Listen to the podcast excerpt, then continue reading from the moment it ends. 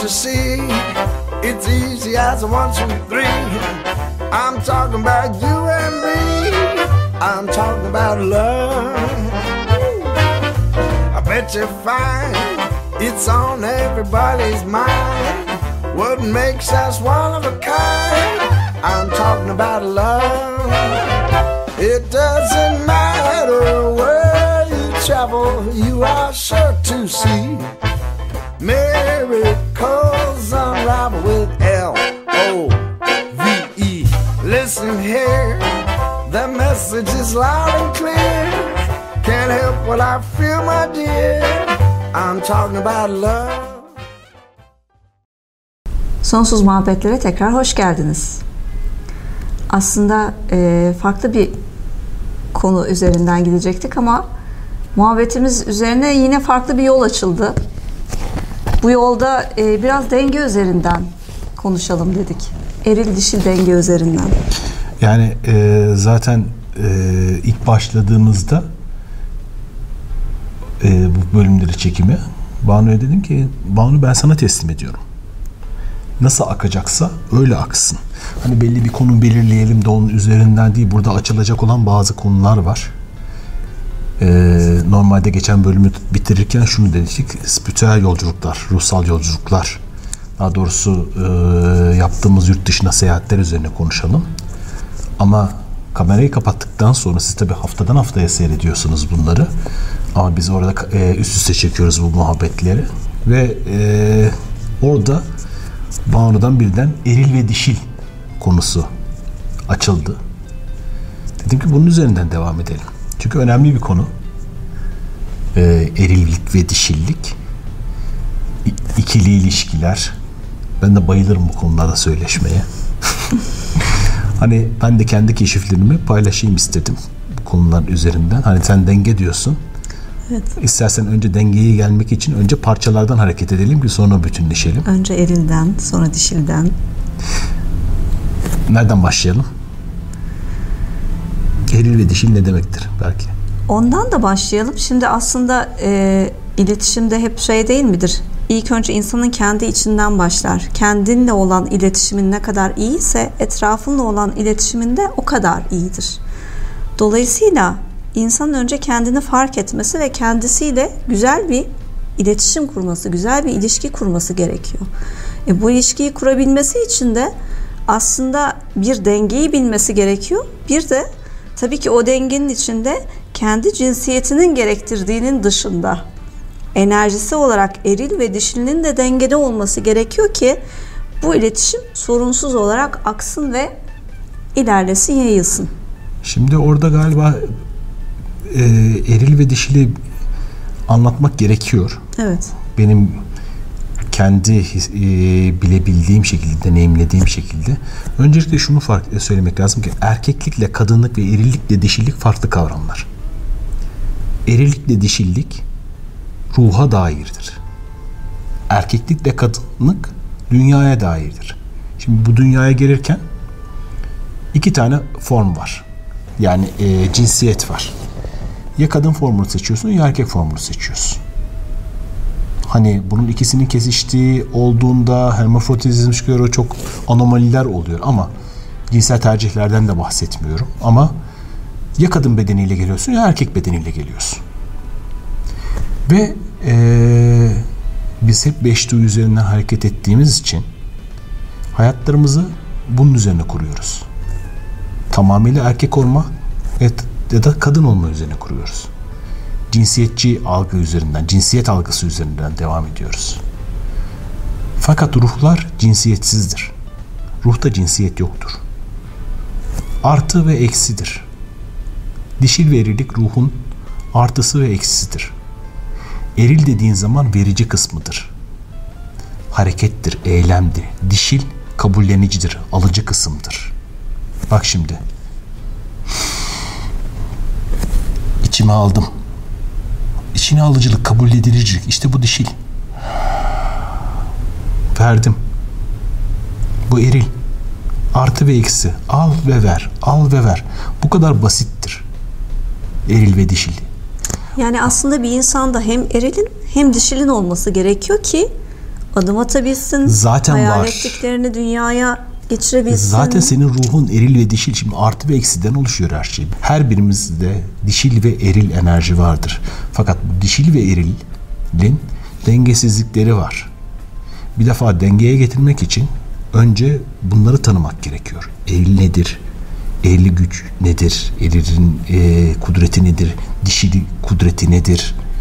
E, dişilin etkileri nedir? Bunlar tanıdıktan sonra zaten denge gelmeye başlıyor. Ben de kendi adıma burada e, bu içsel yolculukta bu bir tanıma yolculuğu oldu.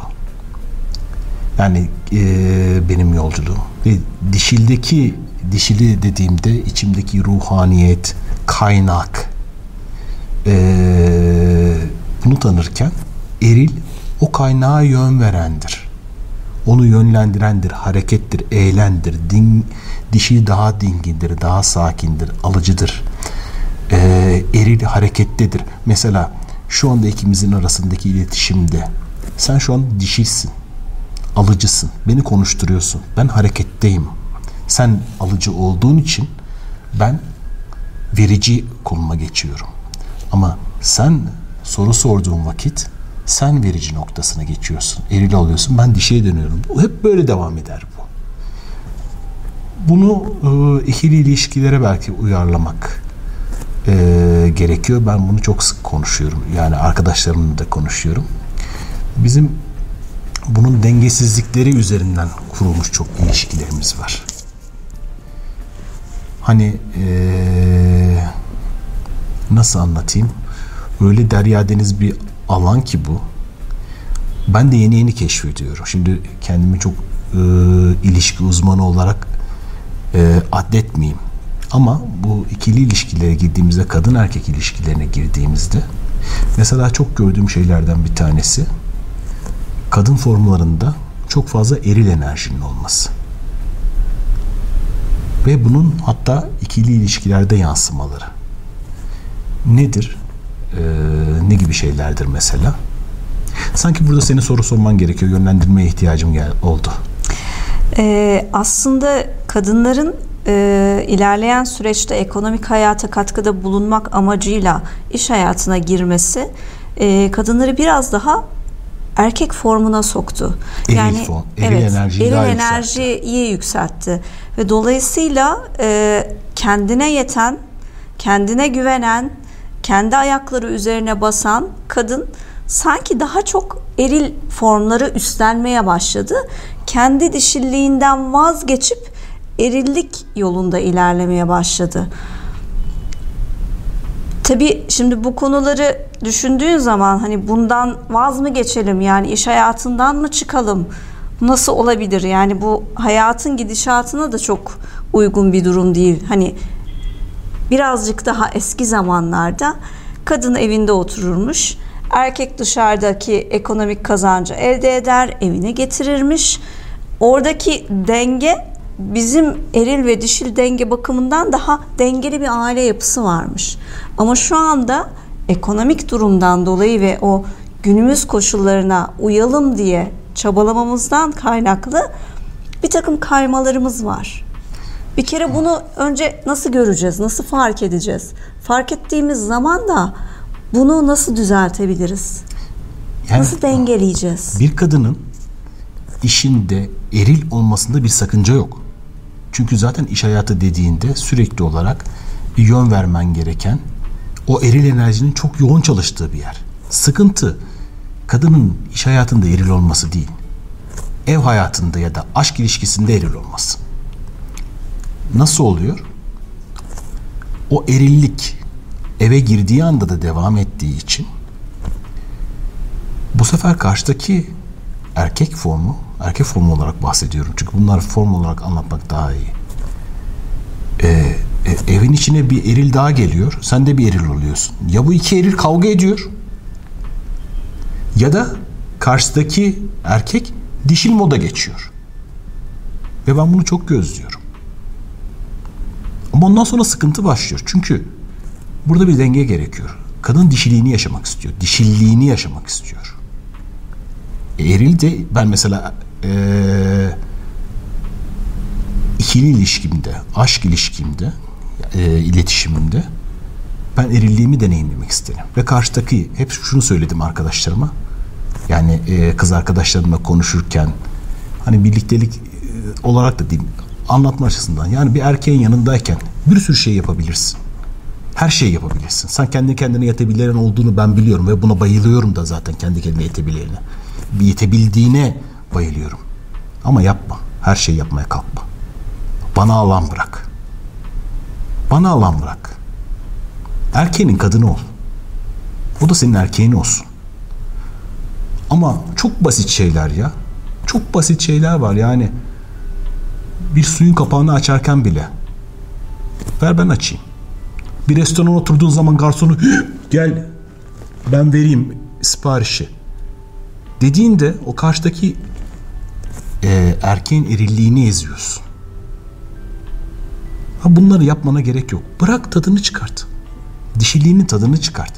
Ve benim erilliğimi de eril enerjimi de kutsadığında, gerçekten gördüğünde, ben bunu hissettiğimde öyle bir ilişki dönmeye başlar ki zaten ondan sonra zaten ilişkin içinde sürekli değişir bu. Kimi zaman sen eril olursun, kimi zaman ben dişil olurum. Evet, erkek olarak her zaman da eril olmak durumunda değilim. Seni alırım içime dinlerim, sen anlatırsın, ben seni e, kaynağımda eritirim. Sonra ben anlatırım, sen beni kaynağında eritirsin. Ama benim yanımdayken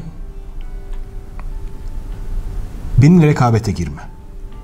Bunu çok yapıyoruz. Neden? Çünkü e, kadınlarımız biraz babalarıyla da çok rekabet halinde olduğu için babalarına kendilerini ispat ediyor. Bir yandan aşıklar ama bir yandan da ispat etmeye çalışıyorlar. Ben öyle yor- yorumluyorum. Herkes için farklı olabilir. Hani e, bunlar benim kendi gözlemlerim. Bunlar değişebilir, dönüşebilir ama gözlediğim bu oluyor. Hani karşılaşıyorsun. E, bir defa alıcı hissetmiyorsun karşıdaki kadını. Sürekli konuşuyor. Sürekli konuşuyor. Aralıksız konuşuyor. Ve burada iletişim dönmüyor. Halbuki iletişimde şu şekilde döngü çok güzel. İşte ben konuşurken sen beni gerçekten dinle. Sen konuşurken ben seni dinleyeyim. Hatta konuşmaya bile gerek yok. Konuşma ve muhabbet dediğinde konuşmak iletişimin belki yüzde onudur. Yüzde doksanı buradandır. Ama bu bunun tamamlanması için işte o kendinin erilinin ve dişilinin dengelenmesi, tamamlanması gerekiyor. Bu da nereden başlıyor diyeceksin. Ben özellikle anne ve babamın ilişkilerini çok gözlemledim. Anne ve babamı çok gözlemledim. Bizler dünyaya doğduğumuzda eril ve dişil formları olarak, erkek ve kadın olarak anne ve babamızı görüyoruz ve onların eril ve dişil enerjilerini, iletişimlerini e, takip ediyoruz. Ama burası o kadar karışık bir alan ki. Çünkü e, ruhtan önce görünen duyular dünyası var. Burada bir sürü cinsiyet rolleri var. Bu cinsiyet rolleri üzerinden bir sürü toplumsal roller var, kodlamalar var. O var, bu var, şu var.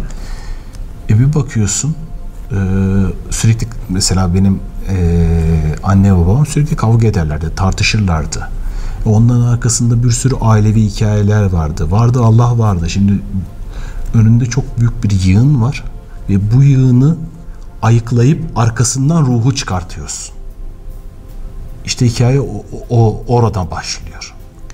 Yani önce senin önündekilerini görüp gözlemleyip ben benim yolum bu oldu. Onları böyle ayırt edip hep arkasına bak, arkasına bakıp arkasına bakıp derin derine indiğimde en sonunda hani onların kendi içindeki motivasyonları neydi, hareketleri neydi, hangisinin erili daha çok çalışıyorsa, hangisinin dişili daha çok çalışıyordu, nerede hata yaptılar, e, nerede daha iyisini yaptılar. Bunların hepsi ortaya çıktıktan sonra yavaş yavaş başladı. Önce molozlar kalktı. Çok fazla moloz vardı çünkü. Öyle öyle dengeleyebildim. Ama ondan öncesinde ne yapıyorsun biliyor musun? Sen kendini bir erkek olarak algılıyorsun. Ve içindeki o eksik hissettiğin dişiliği bulmak için sürekli kadınların peşinde koşuyorsun. Aşk peşinde koşuyorsun. Aşk diyorsun. Ne bileyim beden peşinde koşuyorsun. Cinsellik peşinde koşuyorsun. Hep orada bir eksiklik tamamlanmaya çalışılıyor. Ama bir türlü tamamlanmıyor ki.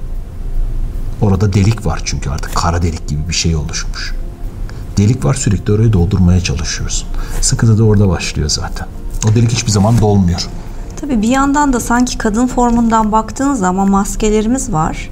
Ee, annelik maskesini takıyorsun çocukların yanında. Ama sıkıntının başladığı yer o annelik maskesiyle işe gittiğin zaman başlıyor. Ya da işe gittiğin zaman bir iş masken var. Kadınsın çalışıyorsun. O iş maskesiyle eve döndüğün zaman kocanla olan hayatında o iş maskesiyle devam ettiğin zaman o sıkıntı başlıyor. Aslında tam dengeye gelmek dediğim nokta o. Yani o maskeleri olduğu yerde bırakıp kendi merkezine dönebilmek. O merkezlenmeyi yaşadığında maske dediğin role dönüşür. Her birimizin rolleri var. Yani sen bir iş kadın rolünde olursun. Çocuğunun yanında bir anne rolünde olabilirsin. Kocanın yanında eş rolünde olabilirsin. Ne bileyim e, hayatın içinde arkadaş rolü olabilirsin, dost rolü olabilirsin. Bunların hepsini çok güzel yönetebilirsin. Merkezlendiğinde bunların rol olduğunu bilirsin. O rolden diğer role girip çıkabilirsin. Akışkan olursun. Ve bunlar birbiriyle çatışmazlar. Ama merkezinde sen olmadığın zaman savrulup durursun. Annelik rolü alır seni eşliğe çarpar.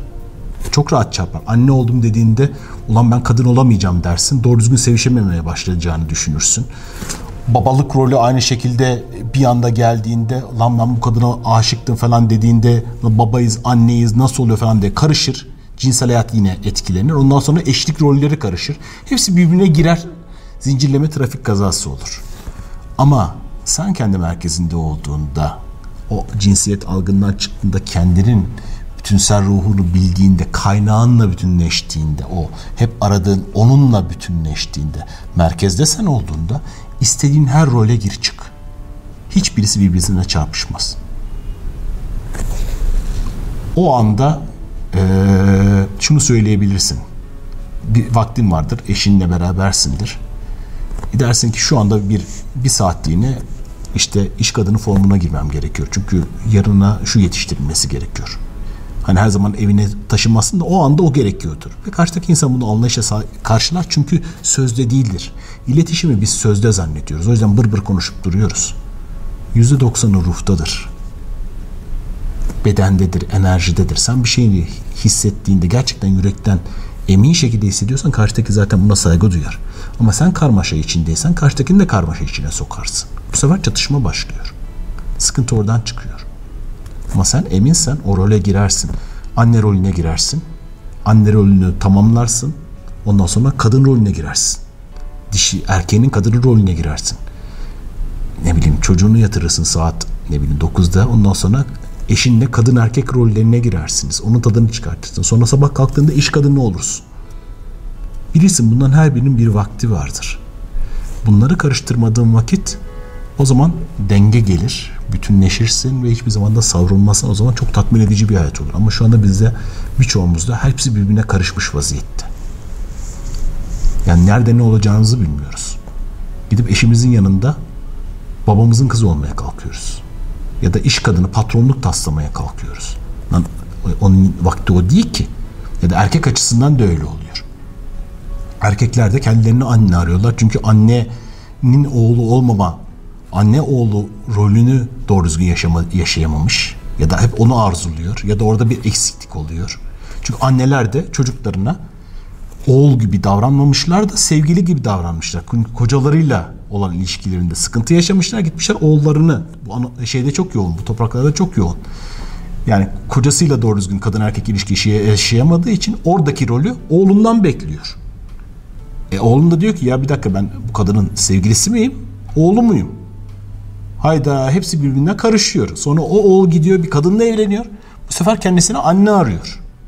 Hepsi birbirine giriyor. Hep roller birbirine e, şey çatışıyor, karışıyor. Bu merkezde olmadığın için. Merkezlenmek de işte o kendini tanıma yolculuğuyla beraber hani geçen bölümde bahsettiğimiz o aşkla beraber o kaynağı bulup kendi özünü bulduğun anda merkezini bulduğun anda ondan sonra artık tüm roller senin etrafında cem eder döner yani. Buradan anne baba ilişkilerinin aslında çok önemli olduğunu bir kez daha vurgulamak gerekiyor. Zaten ona geliyoruz. Yani e, özellikle iki insanın ilişkisinde eşinin annesi ve babasının bir karışımı aslında eşin. Sen de annen ve babanın bir karışımısın. Ama bir de onların anneleri ve babaları, eşinin annesinin babasının da anneleri babaları. Yani e, bir karma da söz konusu burada. Birazcık karmadan Yani şimdi mi? şöyle ben şunu fark ettim e, kendimi gözlerken. Bana ait olarak zannettiğim her şey ya annemden ya babamdan ya çevremden gelmiş. Ama ben neredeyim peki? Ben bunları çok güzel sahiplenmişim. Ama annemden ve babamdan gördüklerim. Peki ben neredeyim?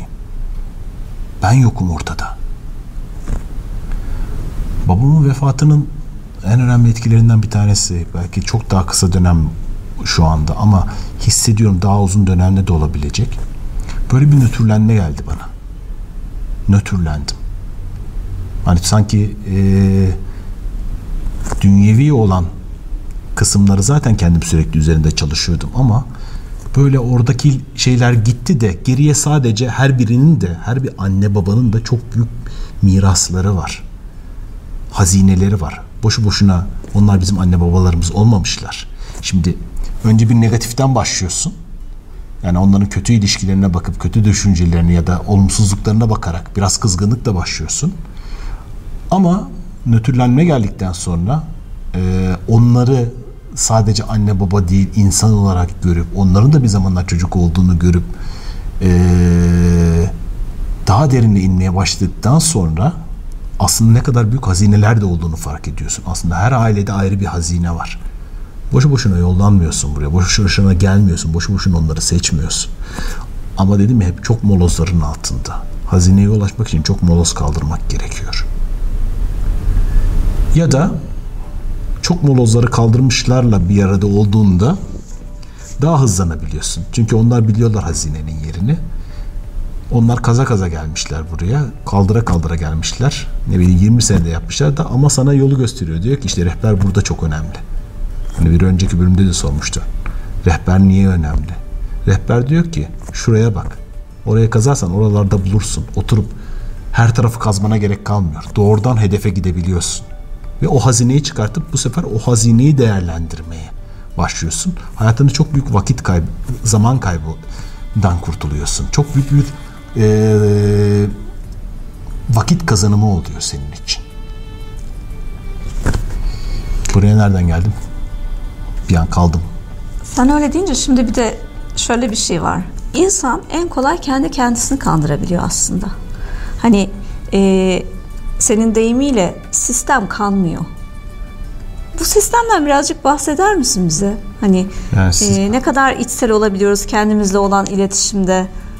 Ya da bunun için ne yollardan geçiyoruz, ne yapmamız gerekiyor? Ya sen öyle bir soru soruyorsun ki hani bunları nasıl değerli anlatabilirim ben de zorlanıyorum bazen. Geliyor da eee, şundan gidebiliriz belki kendi kendini kandırmak. Sen sadece kendini kandırıyorsun. Gerçekten eee, sistem adını verdiğimiz o yaratılışta hiçbir şey kanmıyor. Orada çok güçlü, sağlam temeller var. Ve tüm evren, tüm varoluş o değerler üzerinden hareket ediyor. Sen istediğin kadar her şeyi eğip bükebildiğini düşün. Eninde sonunda o eğip bükülmeler düzelecek. Bir şekilde düzeltilecek. Karma belki az önce sordun ya. Hani karmayı şöyle anlatabilirim. Ee, matematikte bir prensip vardır. Açılan her parantez kapatılacak. Çok net bir matematik kuralıdır bu. Aynı şey kodlarda da geçerlidir.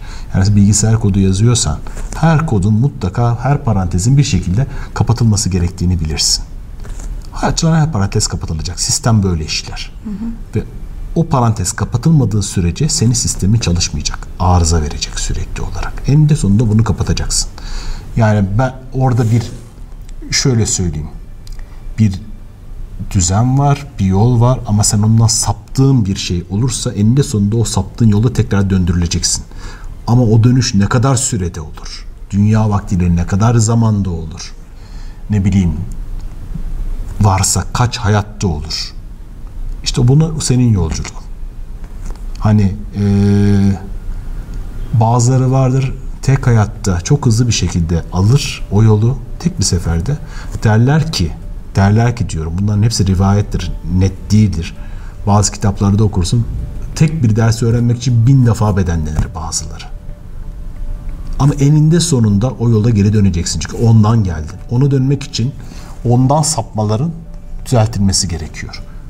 Ha hikayeler de böyle ortaya çıkıyor. Bunun da vardır bir sebebi. Niye sapıp sapıp duruyoruz falan gibisi diyen de düşünüyor de.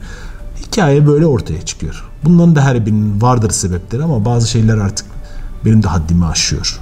Biliyormuş gibi çok konuşmak istemiyorum. Bazen keşfediyorum, bazen hissediyorum. Ama söylediğin şey çok e, güzel, insan kendini çok güzel kandırıyor. Ama orayı kandıramıyorsun. Asla kanmıyor. Sadece belli limitlerde sana izin veriliyor. Çünkü oradan öğreneceğin şeyler var. Ve fark ettiğinde de çok güzel bir e, his var. Tövbe. Çok ettim ben. Çünkü tövbe aslında ne kadar saptığını fark ediyorsun. Ve bir utanç hali geliyor, yanma hali veriyor. Çünkü biliyorsun ki daha iyisini yapabilirsin. Sen daha daha daha yücesi, daha ulusu var. Daha muhteşemi var. Ama sen burayı seçmek yerine gidip o kadar e, azını seçiyorsun ki, o kadar aza tamah ediyorsun ki ve oradan çıkış arıyorsun. Aslında yine dönmek istediğin yer orası. Ama bunu yapmak için o kadar ne bileyim cebinde bin liram var. Yani o bin lirayı sokağa savuruyorsun gibi. Sokağa savuruyorsun ya da çok e, kelepir bir şeye oraya yatırıyorsun. Halbuki sen öyle muhteşem şeyler yapabilirsin ki onunla. Ama yapmıyorsun. Bir yandan ben, ben bunları yapmadığımı fark ettiğim çok vaktim oldu. Çok tövbe ettim o noktalarda. Tövbe demek zaten o utançla ya ben daha bunu yaptım ama hatamı anladım. O önemlidir. Hata yapabilirsin aynı zamanda. Sistem hata yapmana izin verir. Çünkü hata yapa yapa da öğrenebilirsin. Ama aynı hatayı sürekli tekrarlıyorsan orada ahmak başlıyor. Ben kendi adıma çok hata yapıyorum. Çok hata yapıyorum. Ama şükür ki çok hızlı anlıyorum. Ya da bana çok güzel anlatan dostlarım oluyor. Bana aynalıyorlar burada hata olduğunu. Ve bir hatada hata yaptığımdan iknaysam zaten önce bir yanma hali geliyor. Çok utanıyorum gerçekten. Ama ondan sonra bir daha o tekrarlanmıyor bende. Kendimin hani en sevdiğin özelliklerinden birisi ne dersen budur. Bir yandan da o döngüler e, bizim gidiş gelişlerimiz bir şeyin içinde dönüp duruyoruz. Sürekli o sorun karşımıza geliyor ama biliyoruz ki çıkmamız gerekiyor bir yerden. Ama bizi de tutan bir şey var çünkü orada güvendeyiz. Hani çok rahatsız olabiliriz ama bildiğimiz bir bölge ve oradayız. Oradan çıkmak için ne yapmak gerekiyor Hasan? O güven konfor alanı diyoruz biz ona. Senin altın, sende muhteşem bir tekne var. Muhteşem bir teknen var. Ama o tekne limanda duruyor. Sen bir türlü tekneyi çözüp açılmıyorsun. Her türlü okyanusa, her türlü fırtınaya, her türlü e, zorluğa, güçle e, dayanabilir o tekne. Böyle bir teknen var. Ama sen bir cesaret edip o ipleri, halatları çözüp o yolculuğa çıkmıyorsun. Çünkü orayı biliyorsun. Güvendesin. Diyorsun ki ben 50 senede bu teknenin içinde yaşarım. Ama sorun şu ki ben çok gemicilikten anlamam, denizcilikten anlamam. Ama böyle bir bilgiyi biliyorum. Teknede sürekli kalırsan limanda altı çürür. Hareket sana canlılık verir ve o kadar keşfettirecek, o yenilenmeyi sarar. Keşfedilecek o kadar çok liman var ki. O kadar çok liman var ki. Yani sadece Mersin'deki e, marinada tekneni koymuşsun, orada yiyip içip yani oradan hiç ayrılmayı düşünmüyorsun. Orada kalıyorsun. E çık bakalım biraz Antalya'yı gör. Bodrum'u gör. Oradan öteye git. Yunanistan'a git. Sonra İtalya'yı gör. Altında nasıl bir tekne Bak nasıl iyi geliyor değil mi? Muhteşem bir teknem var ve her yeri, tüm kıyıları gezebilirsin. İspanya'yı gör. Oradan vur aşağıya Afrika'ya in. Ne bileyim Hint kıyılarını gör. Avustralya'ya git. Oradan Paskalya'ya git. Oradan Amerika kıyılarını gez. O kadar çok keşfedilecek yer var ki. Yolculuk bu. Bunun için gelmişsin zaten. Ama sen sadece tek bir limanda kalmayı seçiyorsun. Konfor alanın bu. Yapman gereken ipleri çözmek.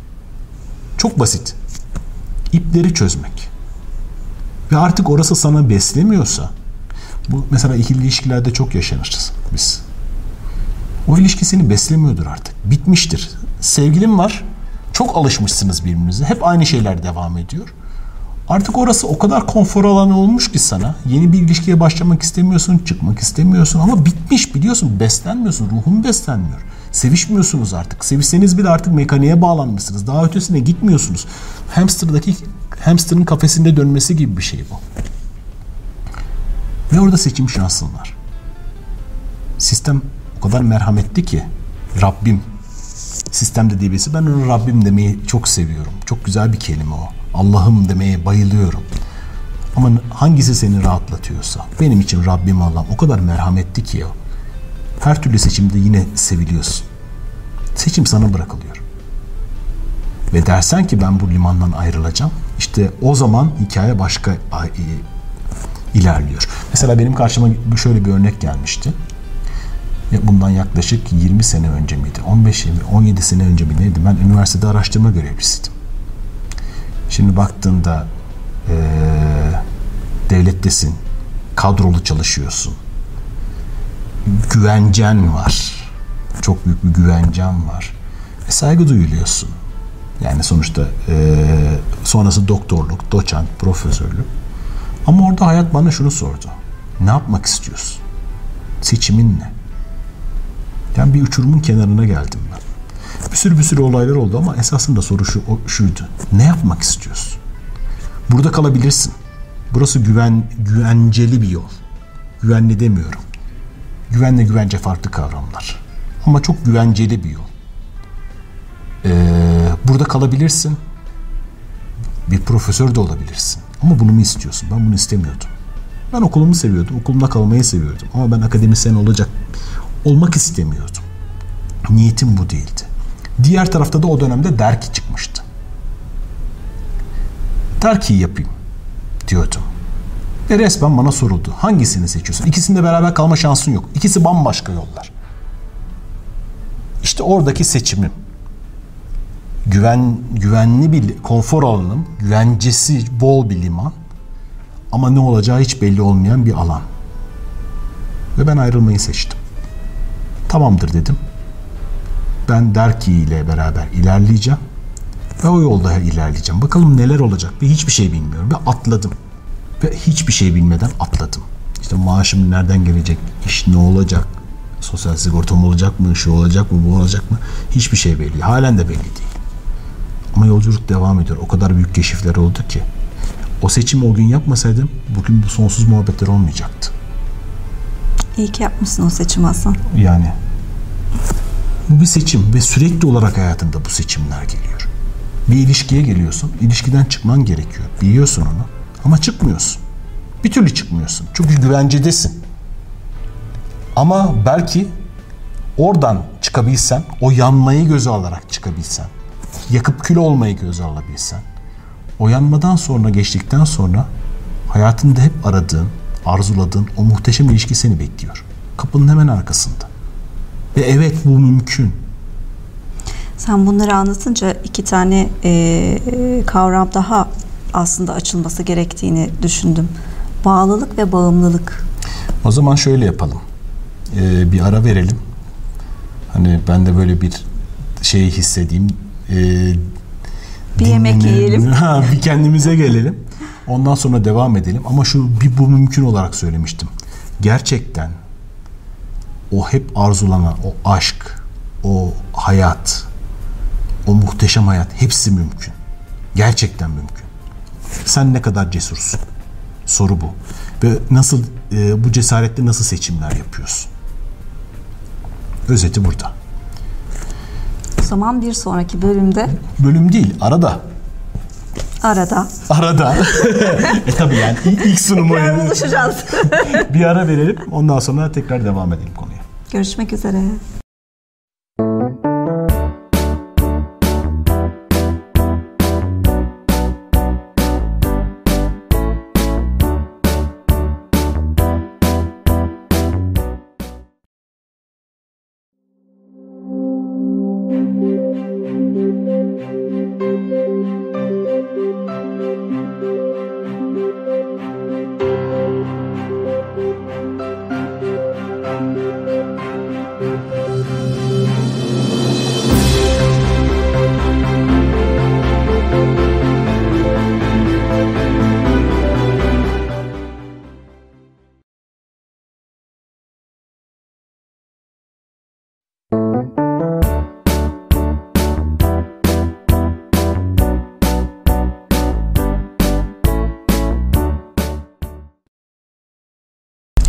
Sonsuz muhabbetlere tekrar hoş geldiniz.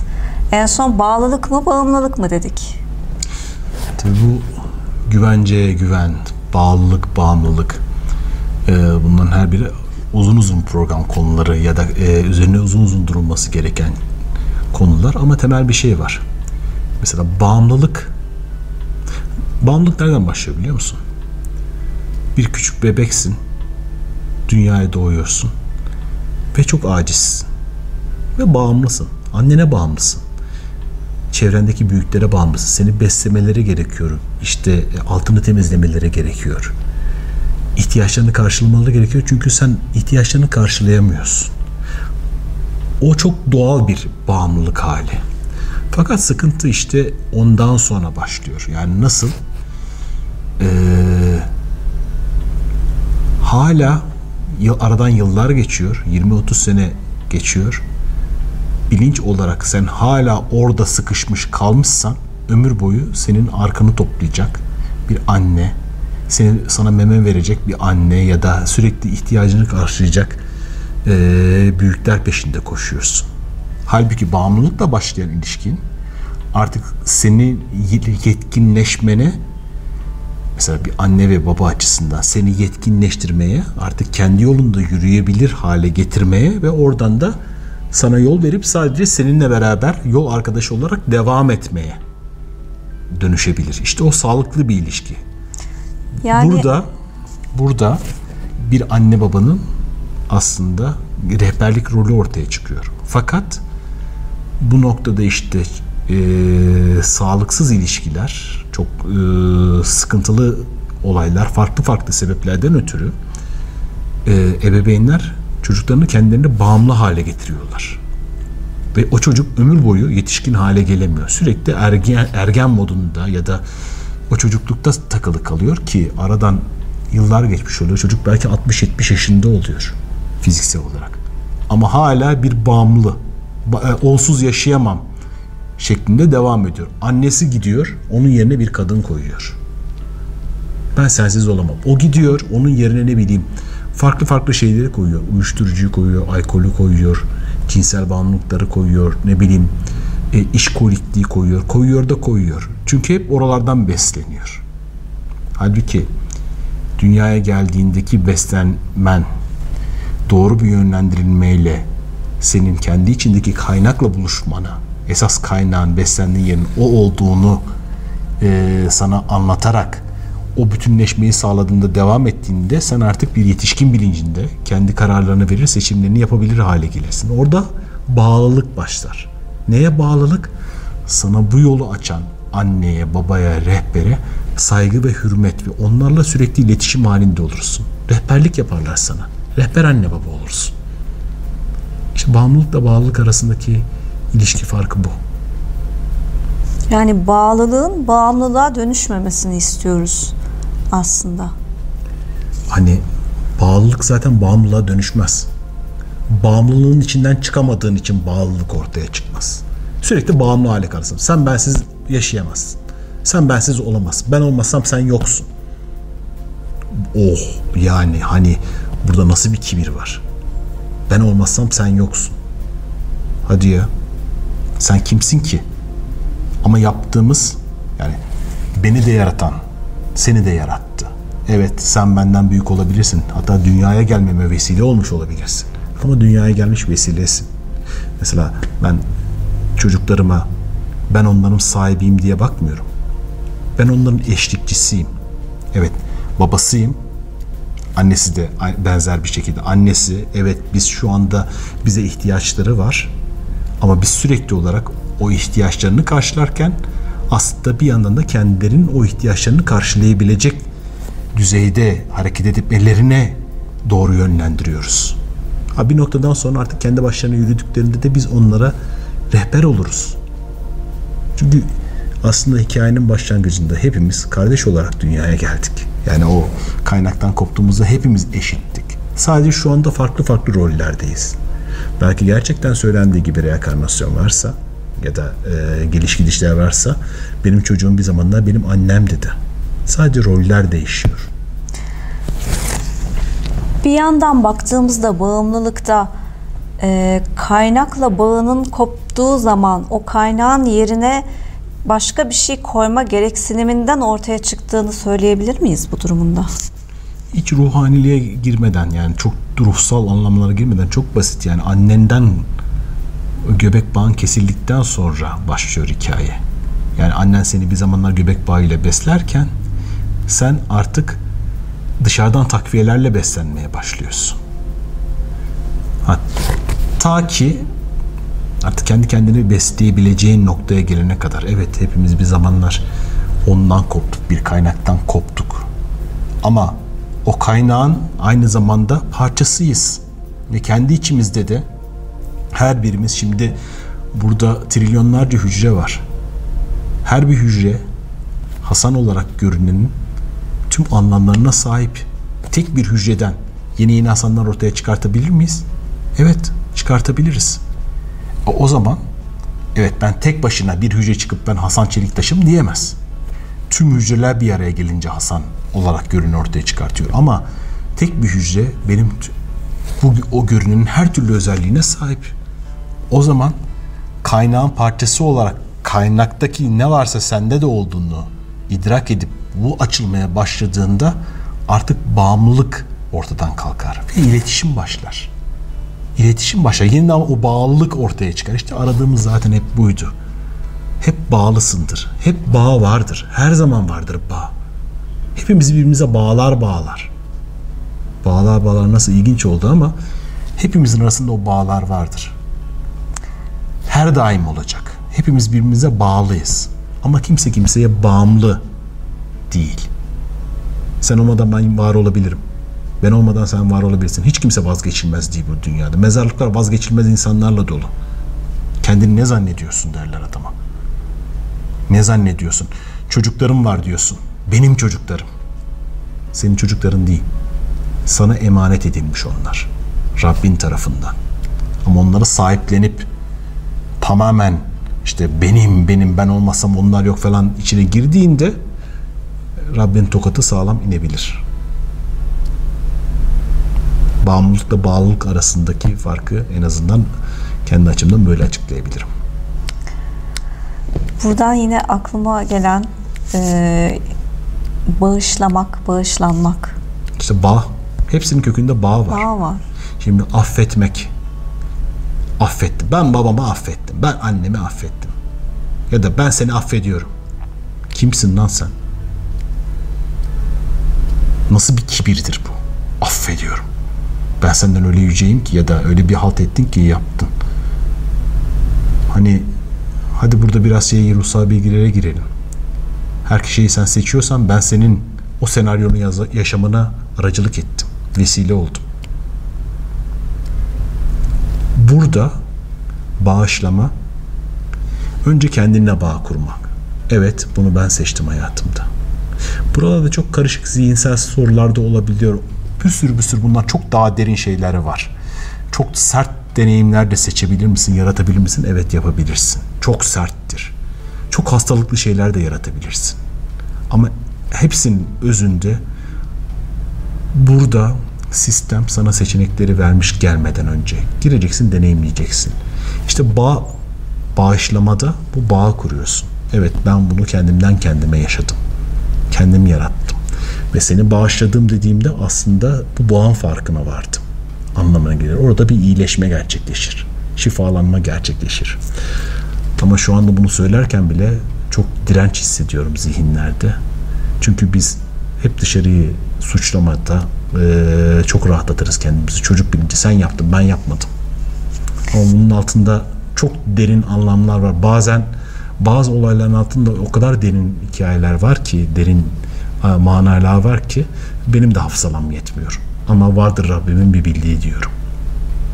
Sorumluluk bilinci. İnsanın önce kendi sorumluluğunu alması gerekiyor. Sorumluluğun da kökünde sor var. Kendine sor bakalım. Sorumluluk. Hani var. Ama bu, bu buraya hiç girmeyelim. Bunlar bambaşka konular. Yani bunlar her böyle iki dakikada geç yani yanıtlanabilecek şeyler de değil. Güvenceyle güven demiştim. Hani güvenceyle güven şöyle bir farklı. Güvence de nefsten geliyor aslında. Hani nefs derken dünyevi olandan geliyor. E, nefs hani kaynağı henüz bağlanmamış. Yani yok edilmesi gereken değil. E, dünyevi benlik ama kaynakta henüz kopuk. Bağlantıları korum, ko, kopuk bir benlikten bahsediyoruz. Haliyle hani sürekli olarak kendini dünyada gördüklerinden çözümler arat, arar. Ama içsel olarak bilir ki o kaynaktadır. Hani nefsini Müslüman etmek diye bir kavram var ya. Hı hı. Yani o aslında o nefsi öldürme, öldüremezsin de. Dünyada var olduğu sürece olur. Ama onu kaynağa bağladığında nefsin seninle beraber yürümeye başlar. Bunu anlatıyor. Ama güvencedeyken güvence ararken sürekli olarak dünyada çeşitli şeylerin vardı. Ne bileyim mesela zengin bir koca ararsın. Ne bileyim işte SSK garantisi ararsın.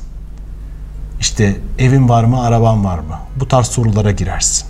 Veya bir sevgilin vardır. Birbirinize o kadar bağımlısınızdır ki artık konfor alanı yaratmıştır. İşin, e, ilişkiniz çok kötüdür ama bir türlü birbirinizden kopamazsınız, kopmazsınız. Çünkü o sana güvence veriyordur. Orada birisinin olması. Bu güvence bilinci. Güven değil ama bu. Güven ruhundur. Ruhun eminliğidir, teslimiyetidir. O kaynaklı olan iletişimidir. Bir sonraki adımını bilmezsin ama bilirsin ki her ne olursa çok hayırlı oluyor. Şer gibi görenin ardında bile bir hayır var. Ama onun için önce güvence bilincinden güvene atlamak lazım. Hani benim zamanında o seçimi yaptığım gibi. Evet, ee, devlet memurluğu gibi çok güvenceli bir alandan çıktım. Çünkü orayı ben seçmiyordum. Burası benim artık yolum değildi. Güvenip, yaradana sığınıp atladım. Ve karşıma ne çıkacağımı bilmiyordum. Gerçekten bilmiyordum. Ve ilk başlar o kadar kolay olmadı. Her tarafım uçukladı. Her tarafım uçukladı. Çok korktum. Ben korkmuyorum. Ee, cesaret zaten korkmamazlık değil. Korkuna rağmen hareket hareket edebilme yetisi. Korkuma rağmen yolumda devam ettim. Sonra bu seçimden sonra o kadar güzel şeyler karşıma çıktı ki çıktı çıktı buraya kadar geldi. Çok şükür hamdolsun iyi ki o seçimi yapmışım. İyi ki yapmışım o seçimi. Çok mutluyum. O da başka bir yolda. Orada da başka, başka güzellikler vardı ama ben şu anda tam olmak istediğim yerdeyim. Yani bundan daha başka ne yapmak istiyorsam şu anda hayatta onu yapıyorum. Hani içimde şu, şu yok. Ay bunu da yapsaydım, bunu da yapmasaydım gibisinden bir his yok. Neysem oyum. Bu, bu, bu çok güzel bir tatmin. İşte bu güven bilincim ama ben de çok fazla güvence bilincine dair veriler var. Ee, annemden, babamdan, çevremden, televizyondan, medyadan sürekli gelen.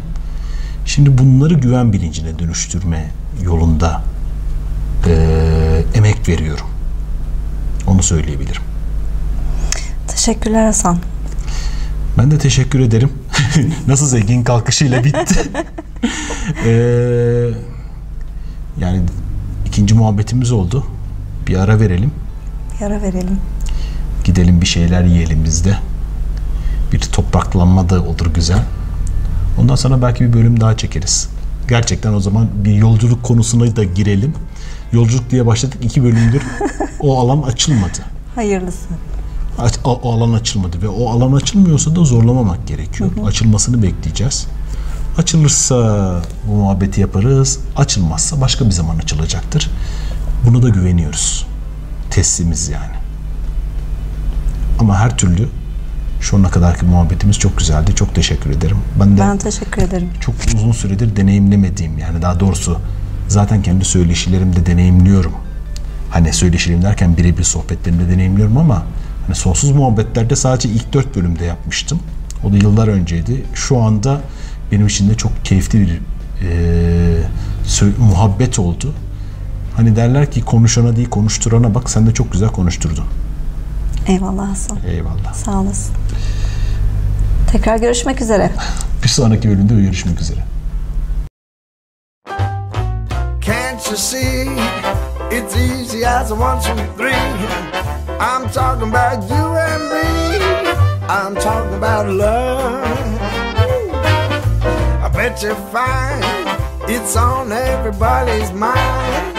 What makes us one of a kind? I'm talking about love.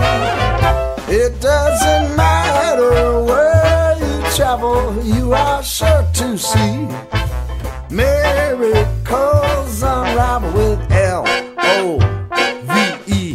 Listen here, the message is loud and clear. Can't help what I feel, my dear. I'm talking about love.